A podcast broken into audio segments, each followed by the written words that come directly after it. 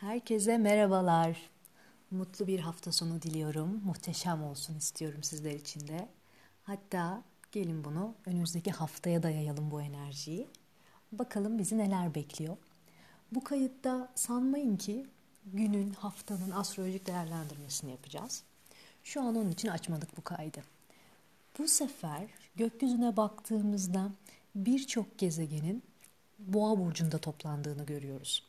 Bizler buna iki veya daha fazla gezegen olduğu durumlarda stelyum diyoruz. Bir gezegen toplaşması dediğimiz hareket. Şimdi gökyüzünde Merkür, Venüs, Uranüs ve Güneş'in boğada toplaştığı bu döngüde bakalım boğa burcu olmak nasıl bir şey? Biraz bununla ilgili konuşmak istiyorum. Boğa burcu olmak nedir? Bu bir anlamda şöyle bir etkisi var. Gökyüzünde gezegenlerin toplaştığı, ağırlıklı olduğu alanlarda aslında bizler de yeryüzünde o enerjiyi hissediyoruz tabii ki. Yani sizlerin bir şekilde güneş burcunun ya da işte ay burcunun boğa olmasına gerek yok aslında. Bu enerjiyi tatlı tatlı böyle günlük hayatlarımızda almaya başlıyoruz. Peki nedir boğa burcu? Boğa burcu zodyağın ikinci burcudur. Ve bir kelimeyle bana özetle derseniz aslında benim kelimesiyle özetleyebiliriz. Yani aidiyet duygusu çok güçlüdür. Yani kalem onundur, defter onundur. Yani aslına bakarsanız dünyanın burcu da boğadır ve her şey onundur. Bunu bir taraftan böyle de belki düşünebiliriz. Varlığı beş duyu üzerinden tanımlanır. Beş duyuyla beraber aslında ilerleyen bir yolculuktur boğa yolculuğu. Bu anlamda da diğer burçlara neleri acaba yansıtır? Yani zodyakta her burç geriye kalan 11 burca hmm, var olduğu noktadan bir şeyleri yansıtır, bir şeyleri gösterir. Diğerleri de ha evet bu da bir varoluş hali diyerek aslında onları e, kendi bir takım süreçlerle içselleştirebilir, e, yansımalarını görür gibi gibi. Ve hepimizin haritasında aslında boğa yerleşimi vardır hepimiz hayatımızın bir konusunda boğavari davranırız. Yani biraz bunları e, bu ses kaydında, bu podcast'te e, dillendirmek istedim.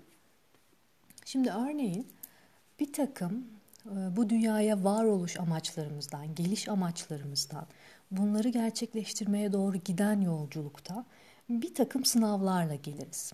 Biz bunları astrolojik haritalarda tabii ki retro gezegenlerle, açılarla vesaire görürüz ama daha spiritüel bir taraftan baktığımızda yaşam dersi dediğimiz süreçler vardır.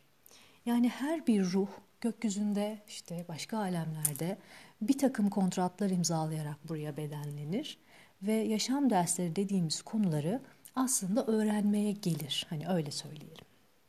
Boğa burcu açısından baktığımızda bu beş duyu üzerinden hizmet eden, işte hayatın tadını almaya yatkın, bir takım hazlar peşinde koşan bir burç, yaşam dersleri açısından baktığımızda üç temel konuyla öne çıkar. Bunlardan birincisi güven konusudur. Güven duymak bir boğa burcu için gerçekten çok önemli bir konudur. Güven duymayı öğrenmeye gelmiştir aslına bakarsanız. Ve öyle ki ruh bu yaşam dersiyle geldiğinde hayatının bir süresinde elbette ki nasıl güvenileceğini öğrenmesi gerektiği için güvenemeyeceği yapılara çekilir. Biraz kafa karıştırıcı olabilir ama biraz daha örneklerle anlatmaya çalışacağım. Biz içinde bulunduğumuz yaşam dersini öğrenmek için aslında ters köşe, zıttı deneyimlere çekiliriz. Örneğin güvenmeyi öğrenmek için bir insan çok daha fazla sıkıntı yaşayacağı, güvenemeyeceği yapılara çekilir. Bunlar hatta en temelde annesi babası bile olabilir. Anne baba seçimlerimiz bile ruhsal alemde bu şekilde gerçekleşir. Hani vardır ya biz de Türkler çok kullanırız. Babana bile güvenmeyeceksin şeklinde. Ee, çok eleştiririm tabii ki bu lafı her zaman için. Çok enteresan, titreşen, belki de garip bir bilinçaltı kodumuz. Onun üzerinde de çalışmak gerekiyor. Ama şu an aklıma geldi ve bunu bir cümle altında düşünürsek bu cümlenin altında boğa burcu yerleşimleri güvenmeyi öğrenmeye gelmiştir ve ilk başta acıtan deneyimlerle e, bunu artık nasıl diyelim gerçekten güvenmeyi seçeceği bir yere doğru itilir. Hayat onu iter ve artık teslim olup gerçekten bir e, dünya ananın varoluşu gibi, teslimiyeti gibi, o tüm gücü elinde bulundurma hali gibi güvenmeyi seçeceği ve artık güvenin kendisi olacağı bir alan vardır boğa burçları için. Zaten o noktadan sonra da hatta kendi içinde bazı konuları tamamladığında denir ki bilirsiniz ki en böyle sadık dostlar, güzel arkadaşlıklar da bu taraftan çıkar bir noktada. Başka iki yaşam dersi de çok enteresandır ve birbiriyle aslında girift çalışabilir, iç içe çalışabilir. Bunlardan bir tanesi kabullenme yaşam dersi, bir diğeri de bırakma yaşam dersi. Boğa semboliklerini konuştuğumuzda aslında bunlara da yer vermek gerekiyor bana sorarsanız. Çünkü kabullenme yaşam dersi nispeten boğada daha kolay akar. Yani orada bir şeyleri olduğu haliyle kabullenmek onun için çok daha kolaydır. Ama bırakma sınavları işte o güvenle iç içe geçer ve bırakma konusu biraz daha zordur. Bunlar da öğrenilmesi gereken süreçlerdir. Ve tüm bunlar varken gökyüzünde böylesine bir boğa sterliumu varken gelin sizler de arzu ederseniz bu konuları biraz zihninizde evirin çevirin. Acaba hangi yaşam dersleri sizin için öncelikli? Bu hayata bunlardan birini ya da hepsini öğrenmeye gelmiş olabilir misiniz?